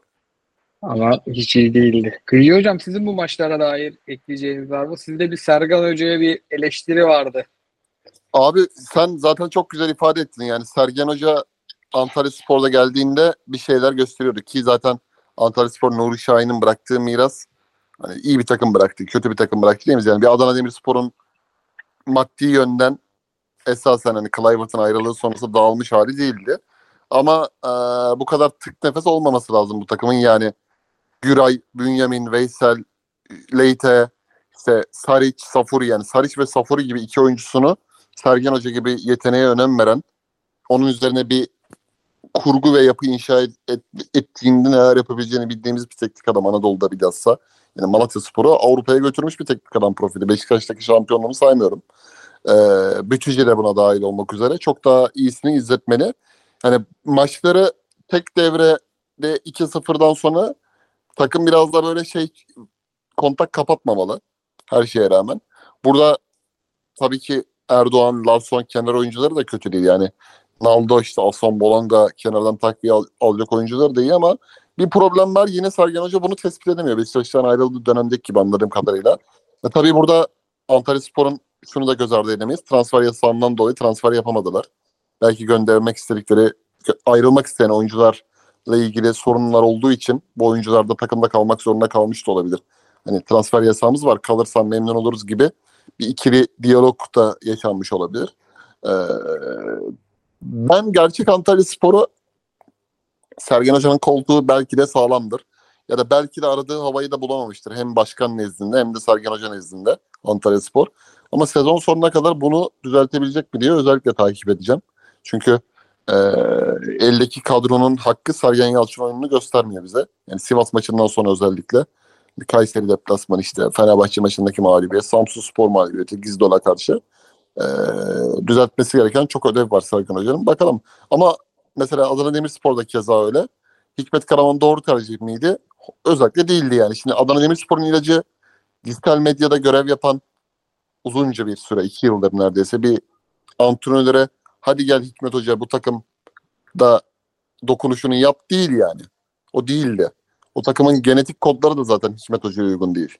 Yani e, çok başka bir çözüm olabilirdi bu mesela. Ömer Erdoğan, boştaki teknik adamlardan özellikle genç oyuncu grubuna böyle e, hitap edebilecek bir teknik adam profilinden olabilirdi. Recep Uçar ne etkilerdi buraya? Recep Uçar olabilirdi aynen abi Kayseri Spor'dan sonra atıyorum. Ya Ömer Erdoğan dedik mesela Recep Uçar dedik. Başka bir birçok isim var mesela konuşsak bu da olabilirdi diyeceğimiz. Ee, şu an... İnşallah Yusuf Sarı'nın sezonuna yazık olmaz yani. Yine tabii, tabii. maç bayağı iyiydi. O, o yönden abi şey, hani mesela Atal'a bakıyorum ben neredeyim gibi oynuyor mesela. Nice'den gelmiş. O artık travmasını zaten bir travma yaşayarak gelmiş Türkiye'ye. Bu Gazze meselesi yüzünden. Bir travma yaşayıp mesela öyle bir oyuncu getiriyorsun ama tadı yok yani. Böyle böyle durumlar mesela Fris bahsetti Balotelli mesela. Göbek işte veteran maçına çıkıyor gibi. Birden bir anlamazsın da yani. Bu lig böyle bir lig. Birden anlamazsın. Aa 6. lig biz ya 10.ya düşersin. 10.dan da bir bakarsın 17.ye Antep'le falan kafa kafaya kalmışsın yani. O yüzden hemen acil eylem planı koymak lazım Adana Demirspor'unda. Abi ben de Antalya'ya dair şunu söyleyeyim. Ya Galatasaray ve Fenerbahçe'den sonra bu ligin en iyi orta sahası Antalya'da abi. Şimdi Beşiktaş yeni kurdu o yapıyı. Ha, kağıt üstünde Beşiktaş tabii ki daha iyi. Ama performans veren oyuncular olarak Antalya Spor orta sahası böyle 40 dakika tempo yapıp sonra da bir anda dağılacak bir orta saha değil. Hocanın yeni çözüm net bulması lazım oraya da. Bir stoper attığıyla da o tempolu oyun nereye kadar gider? Çok muallak. Zaten abi maçın sonunda Veysel iki penaltı birden yaptı ya. Yani o ikinciye gelen. Adam ilk yaptığını itiraf ederken ikinciyi yaptı. Diyelim Bofin nerelerde ya? Bu takımın kalesinde Bofin olmalı abi. Helton da efsane olur ha. Helton da yeni Bofin'imiz olur. Daha çok gezer. Diyelim geçelim fikstüre. 8-10 veririm bu haftaya. Bakalım önümüzdeki haftaya kaç verebiliriz. Cuma akşam 8 Samsun Rize. İyi maçla açıldı. Güzel. Karadeniz derbisiyle açıldı. Cumartesi 13.30 Kayseri Ankara gücü. Emre Hoca, Burak Hoca. Kayseri uzun süre sonra kazandı. Alınacak her puana ihtiyacı var. Yani ama yine de bu maçı kendime bile satamadım. Antep Başakşehir Cumartesi 16. Çağdaş Hoca'nın kazanması gerekiyor. Enteresan maç. Cumartesi 19 Fenerbahçe Kasımpaşa 3.5 üst. Çok gol izlemek isteyenler açabilir. Tabi anormal bir hava durumu yoksa ki bahar geliyor hafta sonu. Kasımpaşa'nın ee, öne geçip 4-1 kaybedeceği bir maç canlandı gözümde. Bana da öyle geliyor abi. Hatta şöyle 1-0, 1-1, Kasımpaşa 2-1, 6-2. Hadi buyurun lan. öyle bir öyle bir maç bekliyor. Geldik cumartesi akşam diğer maçımızda Konya Hatay. Ee, Pazar 13.30 Sivas Pendik. Cumartesi akşam içeri. Bu maç hangoversız izlenmez cumartesi akşam için. Ee, çünkü Pendik de o sevdiğimiz iyi oyun oynayan Pendik değil. Hatta hocanın yerine Recep Uçar'la görüşülüyormuş. Pereira'nın. Ivo, Ivo Pereira mıydı? Ee, geçtik pazar 16'ya Trabzon Adana Demir. Net izlenir. Ee, Karagümrük Alanya. İzi, meraklısına önerilir. Pazar akşamı Tabii 19 tam bir ilgilisine maçı. Aynen yani Alanya'nın çok yerlisine diyeyim. Hatta pazar günü 19 İstanbul Spor Beşiktaş. İstanbul Spor kadrosunun çok üstünde top oynuyor. Beşiktaş'ın deplasmanda golü yok. Ama yine de beklentimin çok yüksek olmadığı bir müsabaka. Pazartesi akşam 8 Galatasaray Antalya. Bu maç güzel olur. Abi 8-10 geldi bu hafta. Önümüzdeki haftadan 5.5-10 bekliyorum biliyor musun? Hoşuma gitmedi. Beyler Acun Ilıcalı açıklamış Ronaldinho'yu Survivor'a getiriyormuş. Oha ben onun şeyini izlemiştim. Fragmanını izlemiştim. Ünlü futbolcu gelecek dedim. Ben de Marco Arroyo'yu falan diye düşünmüştüm. Babaya bak. Abi Ronaldinho ya. Abi sen o paraları nasıl harcadın be abi? Abi ben Survivor'ı hayatımda belki izlediğim süre 20-25 dakikadır ama Ronaldinho için açar bakarım yani net. Bir şey değil mi? Bir sağa Bir dakika çeker. yarışmacı olarak mı getiriyormuş? Evet evet yarışmacı olarak abi. Ya hadi canım abi yok değildir bak. Hemen Twitter'a giriyorum abi, olamaz öyle bir şey. Futbol arenada gördüm ya. Abi olamaz öyle bir şey dur bakacağım. Bir şey değil mi? Bir sağa çeker Turabi'yi yatırır. Abi ben öyle hani bir günlük eğlencesine falan. İnanılmaz bir şey olur abi yok o kadar da parasız kalmış olamaz ya. Abi sen ya yarışmacı olmasa bile net izlenir ya. Bayıldım bu içeriye. Hafta sonu Avrupa programları. Maçları. Ya şey çok üzüldüm. Ersin Korkut elendi geçen hafta. Keşke eğlenmeseydi Ronaldinho ile yarışmasında. Nefis Acaba ayak, olur. tenis, ayak, ya ayak tenisi bile olsa izlenir abi ya. O tekniği bir görürüz. Ya zaten Ronaldinho'yu getirdikten sonra da şu sağa sola top atmalı tahminli oyunları oynatma hacı artık. Bir al vere gir ya. Abi Diyelim- biz bir ara bir şey yapalım ya. Ronaldinho'lu bir içerik yapalım abi. 2004, 2003, 2006, 2005 falan için ya. Olur valla. Bir gün vapura biniyoruz abimle.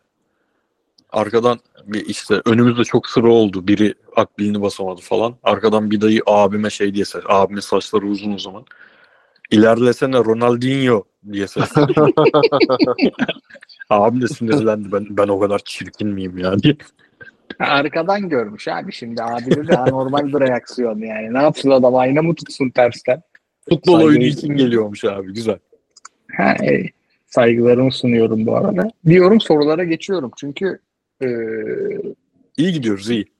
57 dakika iyi gidiyoruz da çok soru var. Emre Bey sormuş. Pardon time code almayı unuttum. Çok özür dilerim. Emre Bey sormuş. Galatasaray, Fenerbahçe, Beşiktaş'a yenilen takımlara atılan iftiralar bu sezon korkunç bir hal almaya başladı. Bu konudaki düşüncelerinizi merak ediyorum. Yani o adamları takip etmeyin abi. Yani bu adamlara karşı verilecek cevabımız yok. Yani eskorta tweet attıran adamlar türedi öyle diyeyim size. Çok bombok bir yer Twitter. Doğru adamları takip edin. Bu arada o konuya dair bir şey abi. Lafı gelmişken. Hemen çok kısa girmeyecektim aslında ama hemen aklıma gelmişken ileteyim. Öncelikle cumartesi günü yaşadığım bu elim olayla ilgili destek olan herkese teşekkür ederim. Bizi tanıyan bilen arkadaşlar zaten gerekli şekilde bana da ben bile sonradan görmeme rağmen e, yapılan haince e, itibarsızlaştırma operasyonuna karşı gerekli cevabı vermişler. Zaten o mevzunun ne kadar artık Türkiye'deki futbol ikliminin ne kadar boktan olduğunu, bunun Galatasaraylı, Fenerlisi, Beşiktaşlısı olmadığını da artık e, çok net biçimde söyleyebiliyoruz. Hani görüyorsunuz yani Galatasaraylılar bana kripto Fenerli falan diyor yani o noktaya gelmiş iş. E, bu kadar saçma Ne diyorlar abi sana? Kripto Fenerli diyorlar abi. Sana. Fener holigan diyor. Holigan Galatasaray diyor. Galatasaraylılar tanıma, tanımıyoruz. Kripto Fenerli misin falan diye saldırıyor. Hani e, Serhat Akın'ın çıktığı kanalda çıkıyorsun falan diye saldırıyor. Böyle saçma sapan bir nokta. Bir de şimdi bir tane muhabir eskisi var. Artık ona muhabir eskisi olarak net söyleyebilirim. E, bu arkadaş kimsin necesin işte itibar ba- senin ulaşamayacağın telefon numaraları falan filan diye bana oradan sallamış Twitter'dan. E, bu arkadaşa gerekli cevabı ben kim olduğumu hani diyor ya sen kimsin ben kim olduğumu yeri geldiğinde gelecek sezon belki de başka bir projede özellikle göstereceğim. Hani siz de zaten biliyorsunuz meseleyi. Özellikle de onun da ben plakasını not aldım. Hani sen kimsin diyor ya bana. Sen ben kimim o arkadaşa göstereceğim yani. Oturduğumda. Ben de Buyur genç abi. arkadaşlarıma bir önerim var. Yani bu adamlarla ilgili edeceğimiz her kelime zarar da bize zarar. Yani israf. İnsan, otur, masaya birlikte oturduğunuz insanlarla övünmeyin. Sizinle masaya oturan insanlar övünüyorsa o insanlarla da masaya oturmayın. Birlikte o yani birlikte olduğunuzda mutlu olduğunuz insanlarla masaya oturursanız 36 yaşıma geldim. Huzurlu uyuyorum. Allah'a şükür fena da kazanmıyorum. Hayatın yolu birilerinin dizinin dibinde oturmak da değil. Birilerinin dizinizin dibinde oturması da değil. Ne kimse Bizden- size bassın. Ne Bizden bugüne kadar bassın. duymadılardı abi böyle bir şey. Biz ne Fatih Terim'le oturduk ne Nihat Kahveci'yle oturduk.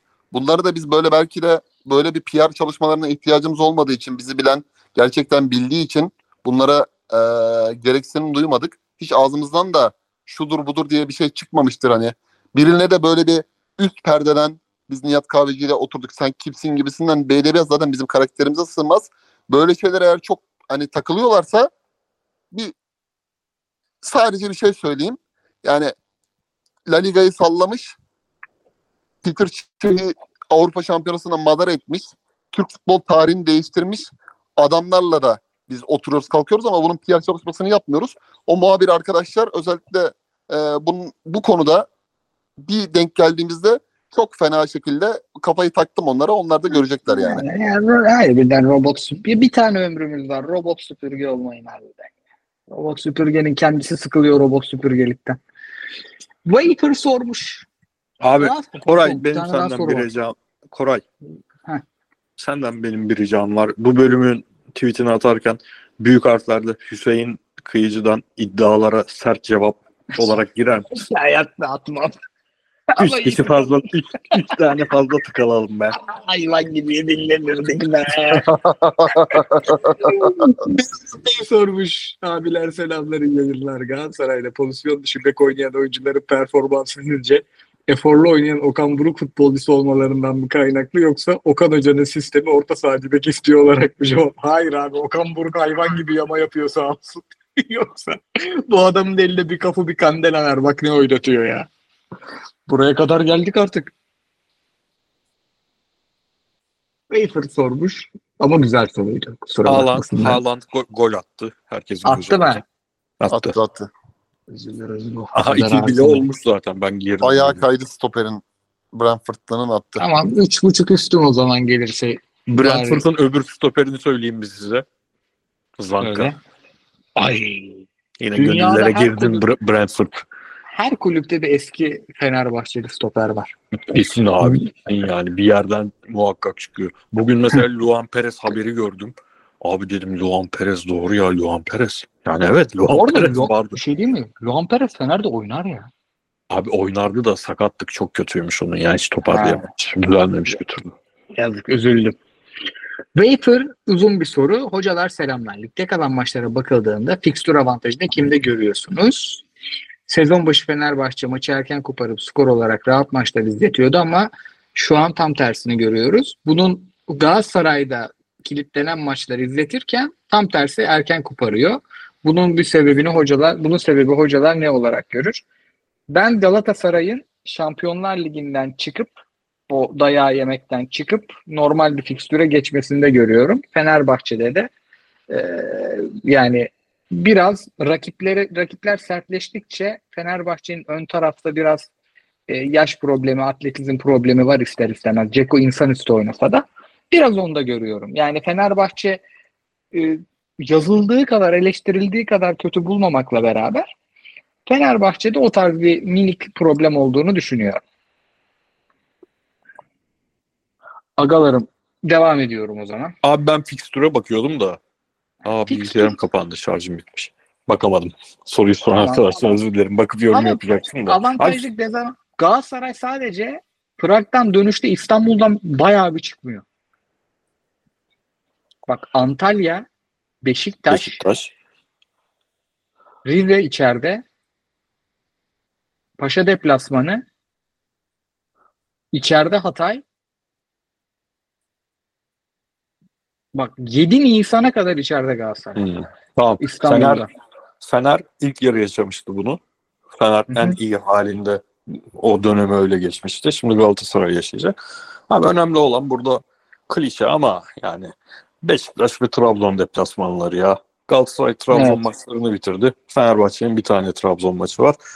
İkisinin de Beşiktaş maçları var ama muhtemelen Galatasaray'la yapacağı maç Beşiktaş'ın Fener'le yapacağı maçı da etkileyecek. Çünkü kupada olan şeyler ligi çok etkilemeyecek bence. Galatasaray maçını kazanırsa Beşiktaş ya da puan alırsa ligde başka bir psikolojiyle oynayıp Fener maçına da öyle gidebilir. Ama Galatasaray maçını kazanamazlarsa Fener deplasmanına da ilk yarıdaki maç gibi bir şey olur diye düşünüyorum. Fener'in de hem Beşiktaş maçı var hem Trabzon maçı var. O yüzden Galatasaray şu an daha Evet. avantajlı net olarak. Kıyıcı hocam, abiler tek maç oynanacak olsa 12-13 Galatasaray mı 23-24 Galatasaray mı? 12-13 mü demiş? Evet. kıyıcıya sormuş. Buyur abi. Abi bence şimdiki Galatasaray alır o maçı. Bu arada ben kıyıcıya sordum abi. Yani Talha Bey birini belirtmemiş. Hepimiz söyleyeceğiz. Bence de bugünkü Galatasaray. O günkü Galatasaray'ın çok yaması yaması defoları Evet. vardı. Çok O çünkü günkü birden kuruldu o takım. ışıltılı kadroydu da bence bu kadar iyi bir takım değildi o. Tabii tabii. O, oyun Fritz olarak Hoca? o- oyun olarak şu anki Galatasaray'ın standardının yanına yaklaşamaz o takım. Evet. O takım lige bir başladı. Eyvah dedik ne olmuş? Bizim geçen sene son 20 haftasında ayıla bayıla son 25 haftasında ayıla bayıla izlediğimiz takıma ne olmuş yani? Burak Yılmaz ve e, Amrabat eklemek bu kadar mı geriye götürür bir oyunu? E, Uyfa de yok. Stoperi de Chris Mris gelmiş. Stoper hattını da kötüleşmiş. Oyun olarak çok kötü e, şeyler gösteren bir takımdı o takım. O takım bir motivasyonla iki oyuncu kalitesiyle götürdü. Oyuncu bireysel kalitede o takım öndedir muhtemelen bu takımdan. Ama genel yani transfer mark verilerinde kesin piyasa değeri olarak öndedir o takım.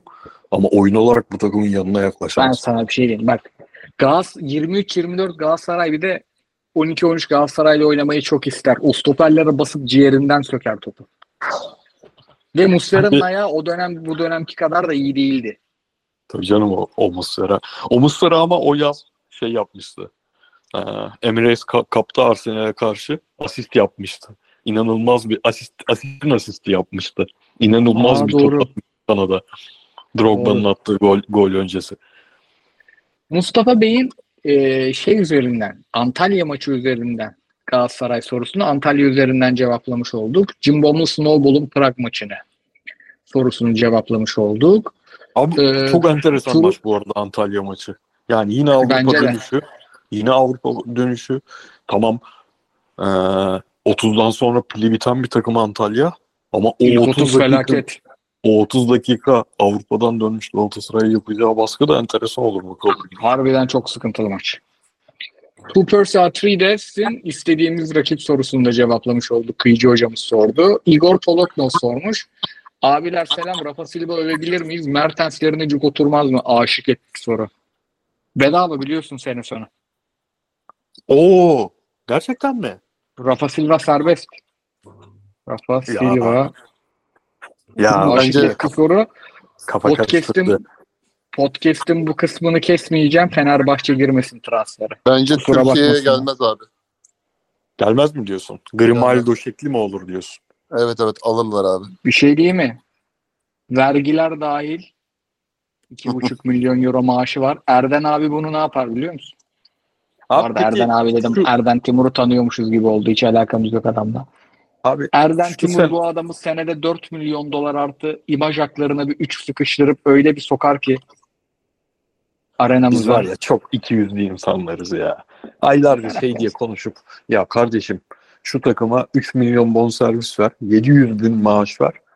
23 yaşında topçu al diye konuşup bir tane böyle top, iyi topçu ismi duyunca da abi şu senaryoya Şey ne diyorsunuz peki? 1993'lü Benim kardeşim 1993'lü bu adamdan ay farkıyla büyük. Bana abi diyor abi.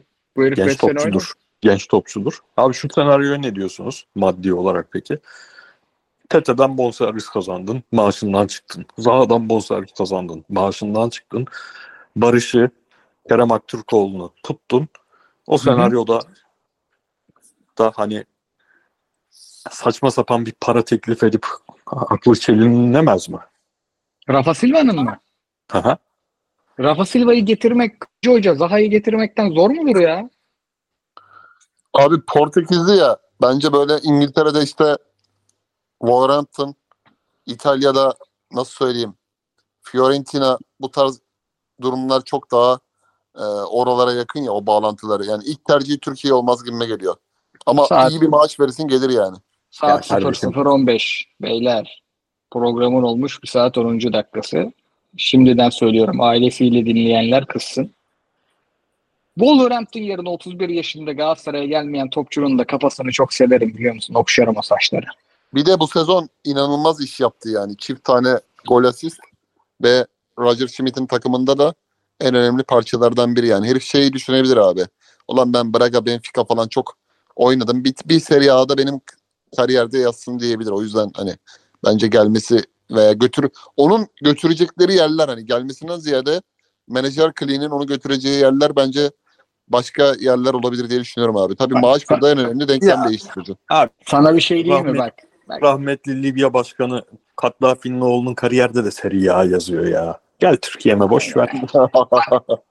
Kariyeri boyunca kazandığı paraya kadar buldum. Igor Toloknov.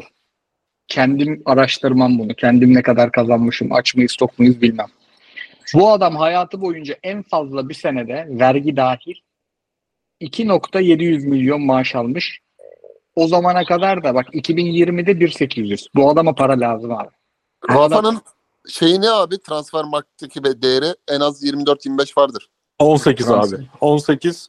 Ben geçen hafta şey yazdım. Luis Alberto hayalim var yazdım. Çünkü Luis Alberto sözleşme uzattığı için çok pişmanmış Lazio'da. Oradan bir operasyon olur mu diye Mertens'in yerine diye düşündüm. Biri Rafa Silva yazdı hemen girdim. Piyasa değerine baktım 18 yazıyordu. Igor Toloknov FM'de editör açtırdın bana. Kusura bakma. Fake kariyer Biz niye yükseldik bu kadar Rafa Silva'ya? Abi çok sevdi. Burada aşık en sevdiğimiz zaten senin o tarz oyuncu en sevdiğin oyuncu. E Kıyıcı'yı Evet. zaten Portekiz Ligi'nde en sevdiği oyunculardan biri. Oradan yakaladı. E ben zaten Belek süperstar hastasıyım. Beni de oradan yakaladı. Bu adam hepimizi yakaladı beyler. Bu adam bize aşık etti bu soruyla kendini. Onur Seneye. Hoca sormuş. Abi dur Onur seneye Hoca'nın Heh, buyur abi. Ağustos ayında paşalar gibi oturacağız. Antin Kuntin adını tek seferde yazamadığımız, copy paste yapmadan yazamadığımız bir takıma karşı Mertens babam hadi vur bir tane uzaktan diye Aynen. Dedem, dedem dik sür göğse dedem diye. Tete Sabek Onur Beyciğimin sorusunu cevaplamış olduk. Seneye kışın Tümer, Tümer Metin beresiyle çıkalım yayına. Ne? Abi ben onu vallahi billahi bak yemin ediyorum sana abartıyorsam şerefsizim kafadan ameliyat oldu ben. Abi Ben unuttum. zannettim. Atakan Kurt yayının ikincisi gelmiştir inşallah. İlki çok iyiydi. De sen o görseli attın. Ben de şeye takıldım abi bak. Bere tercihini yapabilirsin. Okey. Yelek tercihini yapabilirsin. Okey. İkisi bir arada yapılınca abi ne olur şöyle. Tümer Hoca'da şey var herhalde ya. Tümer Hoca yakın çevresinin en yakışıklı çünkü yakışıklı adam bu arada. Yani en Tabii, yakışıklı tabii. topçulardan biri. Bir de onun çevresinde de yakışıklı adamlardan biridir. Ya beyler ben yani gerçekten bornozla çıksam karizmatiyim ki bornozla da çok karizmatiktir. Ben ne giysem bana yakışır deyip bu karizma işlerini aşmış adam. Bence. Çünkü aşmadan o bereyi takmaması lazım. Abu Bakar'ın yuvalanmasını ne dedi acaba? Şimdi merak ettim. Dünkü yayınını bir izleyeyim. Şey Can, Can Ön Duygu'nun yayınında merak ederim onu. Ve sesi kapatır önce bir Can'ın yüzünün rengine bakarım. Tahmin ederim ne dediğini sonra sesi açarım. Öyle değil. Abiler özledik iyi yayınlar demiş Bas Gang sağ olsun. Hazır bu hafta tarihin en kadrosu soru konuşuluyorken soralım. Ha Emre Hoca konuştu. Tarihten hangi Galatasaraylı oyuncuyu bugünkü kadroya koyardınız? Lucas Torreira, Emre Belözoğlu orta sahası. Almayanlar arayı açarım bu orta sahayı. Abi Vallahi- iklim öyle bir iklim ki Emre Belözoğlu bu hafta tekrar Galatasaraylı oldu bu arada. evet, evet. İnanılmaz ya. E, geçen hafta şu bu hafta e, Sports Base verilerine göre en çok kurtarış yapan oyuncu ligde. Geçen sezonda ulan sen nasıl Fenerlisin lavuk 36 tane top kurtardın denen, diyen denen Bahadırhan kardeşimiz de iyi kalecilik yaptığı için o da geçen e, devre Fenerliyken bu devre Galatasaraylı olmuş. Aramıza hoş geldin Bahadır. Biz de Galatasaraylıyız. Valla ben abi hiç duygusallık yapmayacağım. Mertens'i de çok severim ama ben Hacı diyorum ya. Ha, hacı varsa sen garanti cevap adamısın buralarda. Ben Yani, yani hocamdan Garanti cevap adamı ama öyle bir satıyor ki şu an cevabı. Sanki hani hiçbirimiz hacı koymayacaktık da Va harbi hacı ha diyecekmişiz gibi abi tabii ki zaten. abi yok Allah ama- razı olsun. Hiç aklınıza Neden biliyor gelmedi musun? biliyor musun? Bak şimdi neden ama. Şimdi Hacı varsa Kerem Aktürkoğlu'nun bir böyle hani siniri işte kötü vuruş stili falan var ya bunların hepsi bir tornistana girer. Yani Kerem başka bir Kerem olurdu Hacı'nın sahada olduğunu. Yani Emre Belezoğlu falan olsa olmazdı bence. Çünkü o imitasyon hacılık yapardı. Ama Hacı Tabii varsa canım. Hacı boş, götürür yani işi. bana Kerem'in daha az gol atanı, daha çok oyun kuranı, daha çok koşanı lazım. Hacı varsa En Icardi bile hani şey yapamazdı. Bu Zaten kadar. Hacı var. Hacı varsa ben de Kerem'i Barış'ı düşünmem. Hacı Icardi ikilisine uykularımız kaçar. Yani Zaha arkadakine Mertens'e, Torreira'ya şuna buna el kol yapamazdı. O yüzden tek cevap bende Hacı abi. Abi ha, Felix Hoca sen kim alıyorsun? Abi ben çok net bir isme gideceğim. Hakan Ünsal ya. Ben e, Hakan Ünsal oyuncu olarak çok underrated olduğunu düşünüyorum. Bazı futbolcular yorumculuk kariyerlerinde e, futbolculuklarını unutturacak yorumculuk performansı sergiliyor. Hakan Ünsal da öyle bir isim. Ne acayip bir sol bek olduğu unutuldu yani. Yıllar önce bir geyiğini yaptığımızı hatırlıyorum. Ergün Pembe mi, e, Hakan Ünsal mı diye. Ergün'ün tabii çok başka özellikleri vardı. On numara koyu oynar, orta saha koyu oynar falan. Sol bek olarak o patlayıcılık, o orta ve şut gücü ba- başka mevzuydu. Ben Hakan Ünsal koyarım. Oha bu arada bir site buldum Kepoloji diye. Size e, Ya biliyorum ben bakarsan. işte, biliyorum biliyorum. Muhteşem. Ama çok gıcık bir özelliği var abi. O sitede para istiyor. Üç tane musun? topçuya bakıyorsun, dördüncüye bakınca para istiyor. Veririm. Şu an pro satın alıyorum. Bizim şu an e, bu normalde Google Meet bedava. Biz para veriyoruz. Neden olduğunu bilmediğimiz. Ha, 45 dakika yaşalım diye buraya da para veriyoruz. Buraya da kaçırılmış. Diyelim devam edelim. Ee, onu konuştuk. Heh. Abu Bakar'ın saçı konuştuk. Neaso Neas Romes Sora Sorayır herhalde. Türkiye'de saç ektiren topçulardan en sevdiğiniz kim? Gullit, Ronaldinho, Ferdinand, Ailton, Holding, Aydın Yılmaz. Aydın Yılmaz saç mı ektirmiş? Aydın Yılmaz saç mı ektirmiş hakikaten. Aydın Yılmaz saç ektirdiyse Ama Aydın Özgürcan Özcan'ı gördüğümde Özgürcan da kelleşmeye başlamıştı. bir şey değil mi?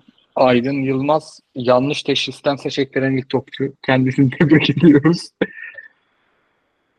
Ee, Malkavye'nin soruya geçtim. Gullit'in saçını He. nasıl ekmişler ya? Aynısı olmamıştır değil mi? Aynen. Yani yok yok Gullit'in yanları açılmıştı abi. Ha. Berkan'ın geriye zaman zaman çapalaşmasıyla demiş Malkavyen. Güzel bir soru. Saha içinde üçlü bir savunmayı andırır hale geldiğini gördüğümüzü düşünüyorum. Sizce bu bek tarzlarıyla Galatasaray'ın oyunu sahada nereye evrilebilir? Bunun cevabını Sparta Prag maçından sonra Okan Hoca çok güzel verdi. Rakibe göre 3-4-3 yerleşiyoruz savunmada dedi. Ee, ama orada bir tane hücumcu bir tane savunmacı bek kullanarak yapıyor.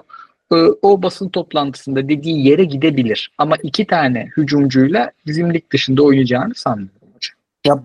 Hoca onu özellikle bazı maçlarda e, kullandığı bir düzen o. Sadece son işte bu maça ilk defa yapmıyor. Daha önce Kerem'i de kullanmıştı. Geçen sene mesela stoperlerin arasında değil Oliveira'yı stoperlerin bir tarafına ya yani iki stoperin arasına değil sol stoperin yanına ya da sağ stoperin yanına yollayıp oyun kurma denemeleri oluyordu. Berkan şöyle bir avantaj getirdi tabii. Rakip uzun vurduğunda yani stoperlerin arasında çıkıp indirme avantajı getirdi. Torreira ile onu yapamıyordu. Belki hoca hani sürpriz soruna buradan döneyim ben de. Ee, sol bek ama gel, sol bek oynamak zorunda. Belki Barış'ı sol bek yapar. Zaha'yı sahaya atar.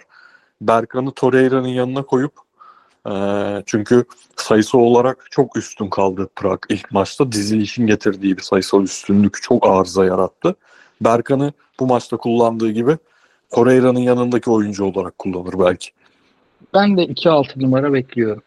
Ege Bey'in Okan Hoca ile ilgili sorusunu cevapladık ama önümüzdeki hafta şu Prag eşleşmesinden sonra hani e, bu 0-0 nasıl oynadığına dair de bakıp 0-0'ın yettiği maça bir daha cevaplayalım. E, Güntekin onaylamayan sormuş. Bir muhabir Semih'in önümüzdeki sezonun sonuna kadar Beşiktaş'ta kalacağını, bunun kesin karar olduğunu söyledi. Sizce Semih bu yaz gidip erkenden Avrupa'da bir takımda pişmeli mi yoksa bir sene daha kalıp seneye mi transfer yapmalı? Euro bence burada kesin bir karar vermemişlerdir. Yani Euro 2024 varken ama abi burada da uçar.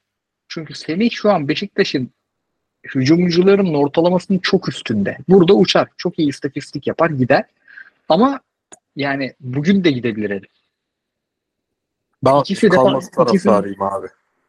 E, tabii yani altyapıdan yetiştirdiğin oyuncu bir iki üç sene oynatacaksın zaten. Kulüp içinden de oyuncu içinden de içinde özür dilerim yanlış konuştum. Yamuk yumuk cümle kurdum.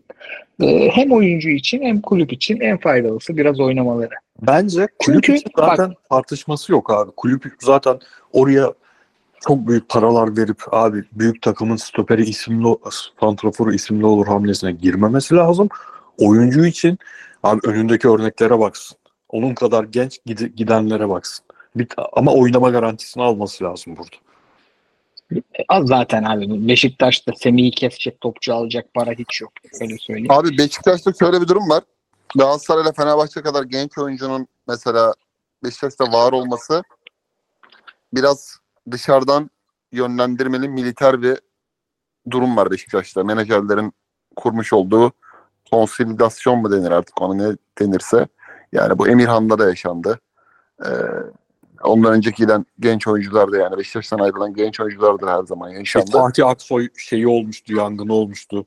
tabii çok daha kolay ayartılabilir ve o yapının içerisinde oyuncuların çok daha hani kafası çenilebilir bir durum var. Galatasaray ve Fenerbahçe öyle değil. Özellikle Fenerbahçe Galatasaray'dan da o konuda daha e, yani Fenerbahçe bir oyuncuyla işi bitiriyorsa 5 senelik bağlar. Hiçbir menajer de orada dışarıdan müdahale desteği yapamaz. Yani en başta Ferdi. Ferdi ile ilgili biliyorsunuz neler olmuştu yani Vitor Pereira gelene kadar. Ama hiçbir yerde kamulayamadılar ve şimdi onun semeresini karşılığını alıyorlar. Müthiş bir paraya satacaklar Ferdi'yi. Ee, ama Beşiktaş'ta öyle diyemem yani. Bak bugün Samet Aybaba bile geçen hafta şey diyor yani biz elimizde tutamayız. İmaj danışmanı bulduk, dil hocası bulduk. Yani tamam sen gideceksin ama seni bir önce donanımlı hale getirip gönderelimin pazarlığına girişiyorlar Semih'le şimdiden. O 8 golün bir katma değeri olacak mutlaka ki. Onu elde etmek istiyor Beşiktaş'ta. O yönden çok dikkatli olmalılar çünkü çok canları yandı. Hani Ahmet Nur Çebi de- döneminde hele bir sürü olay var. Olay yaşandı. Şimdi bu Emirhan Delibaş mevzusu da mesela işte bir takım sitelerde üyeliği varmış, fotoğraf atmış bilmem ne. Yani bunu tabii ki bu bir yöntem midir? Yöntemdir. Samet Aybaba özellikle genç oyuncu konusunda hem sahaya sürme hem de o idari mekanizmayı sürekli diri tutma konusunda tecrübedir.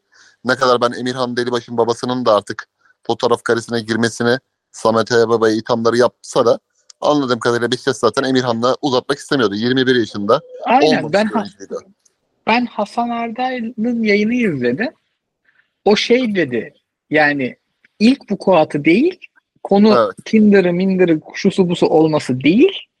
Ee, zaten bu İzmir'de bir takıma kiraya gitmiş. Orada da çok vukuatı varmış. Yani oyuncunun kafayı Evet. toplayıp sahaya dönmesi gerekiyormuş. İnşallah Ama burada döner. kurban kurban etmek de bence Beşiktaş yönetimi adına doğru yani. Bakın genç oyunculara burası Beşiktaş buranın kıymetini bilin. Böyle saçma saçma işlerle uğraşmayın. Hani siz zaten Beşiktaş forması giyiyorsanız Beşiktaş forması giydiğiniz zaman A takıma çıktığınız zaman o güzel kaliteli hayat size zaten gelir. Hani aradığınız o ilgi, alaka bilmem ne işleri zaten size seker mesajı bir yerde. Ee, biraz da bunu iyi yönde kullandılar. Hani zaten istemedikleri bir oyuncunun biletini kestiler. Ee, ama dediğim gibi abi menajerlik işleri çok büyük zehirlenmedir. Bak Abdülkadir Ömür emin olmakla birlikte hakikaten de Sporting Lisbon işte City ortaklığıyla Monaco'da dahil olmak üzere Ağoğlu döneminde müthiş bir paraya gidecekti. Tuttular tuttular şampiyon oldular. Ondan sonra kariyer düşüşü yaşadı. Şimdi Hull City'de mesela oynuyor. Yani Trabzonspor işine zarar etti. Şey de söyledi o yayında. Ee, Hasan nerede bu oyun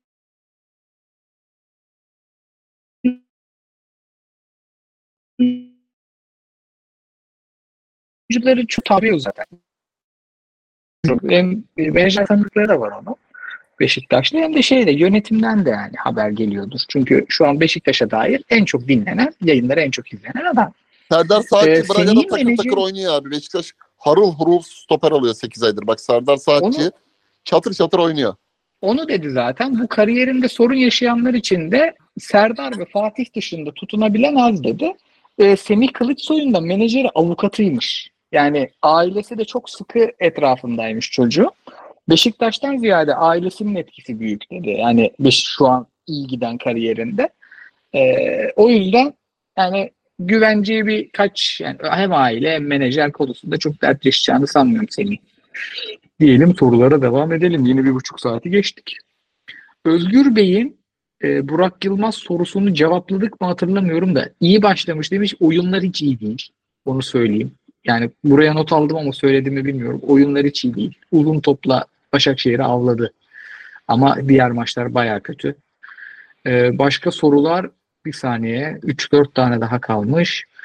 Uğur Bey'in e, Prag maçını Uğur Özdemir'in cevapladık. Uzay mekiği nasıl uçurulur videosu geliyor sanırım. Bana özel gelmiş bu soru. Sanmıyorum. Soruyu nereden atıyoruz diye Dries Mertens yazmış. Öğrenmiş oldu.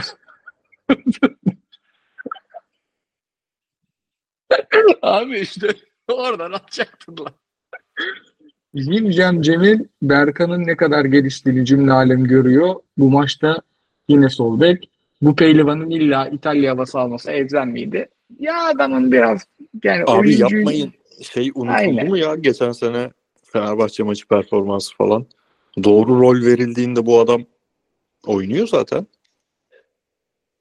Aynen abi yani Berkan'ın çevresi önemli. Çünkü Berkan hayatı boyunca kabiliyeti yani bu seviye için yeteneği bir yere kadar. Yani Berkan Zaha gibi yatır kaldırıcı falan bir oyuncu değil. Berkan Okan Hoca gibi çok iyi bir hoca olduğu zaman eee, çok kullanışlı bir oyuncu. Seneye de çok isterim. Abiler tüm soruları tamamladık. Var mı ekleyeceğiniz bir şeyler? Abi benim yok. Teşekkür ederim. Kıvamında yaptık. Güzel bir program oldu bence. Tam 87 dakika biliyoruz. Çiçek. Hristo hocam sizi? Abi düşündüm düşündüm. Niyeyse biraz daha konuşalım diye. Herhalde iki saati bulmayınca dilim henüz çözülmedi diye düşünüyorum. Abi biz YouTube yayınımızı söyleyelim. Arkadaşlar YouTube'da da varız yeni dinleyenler.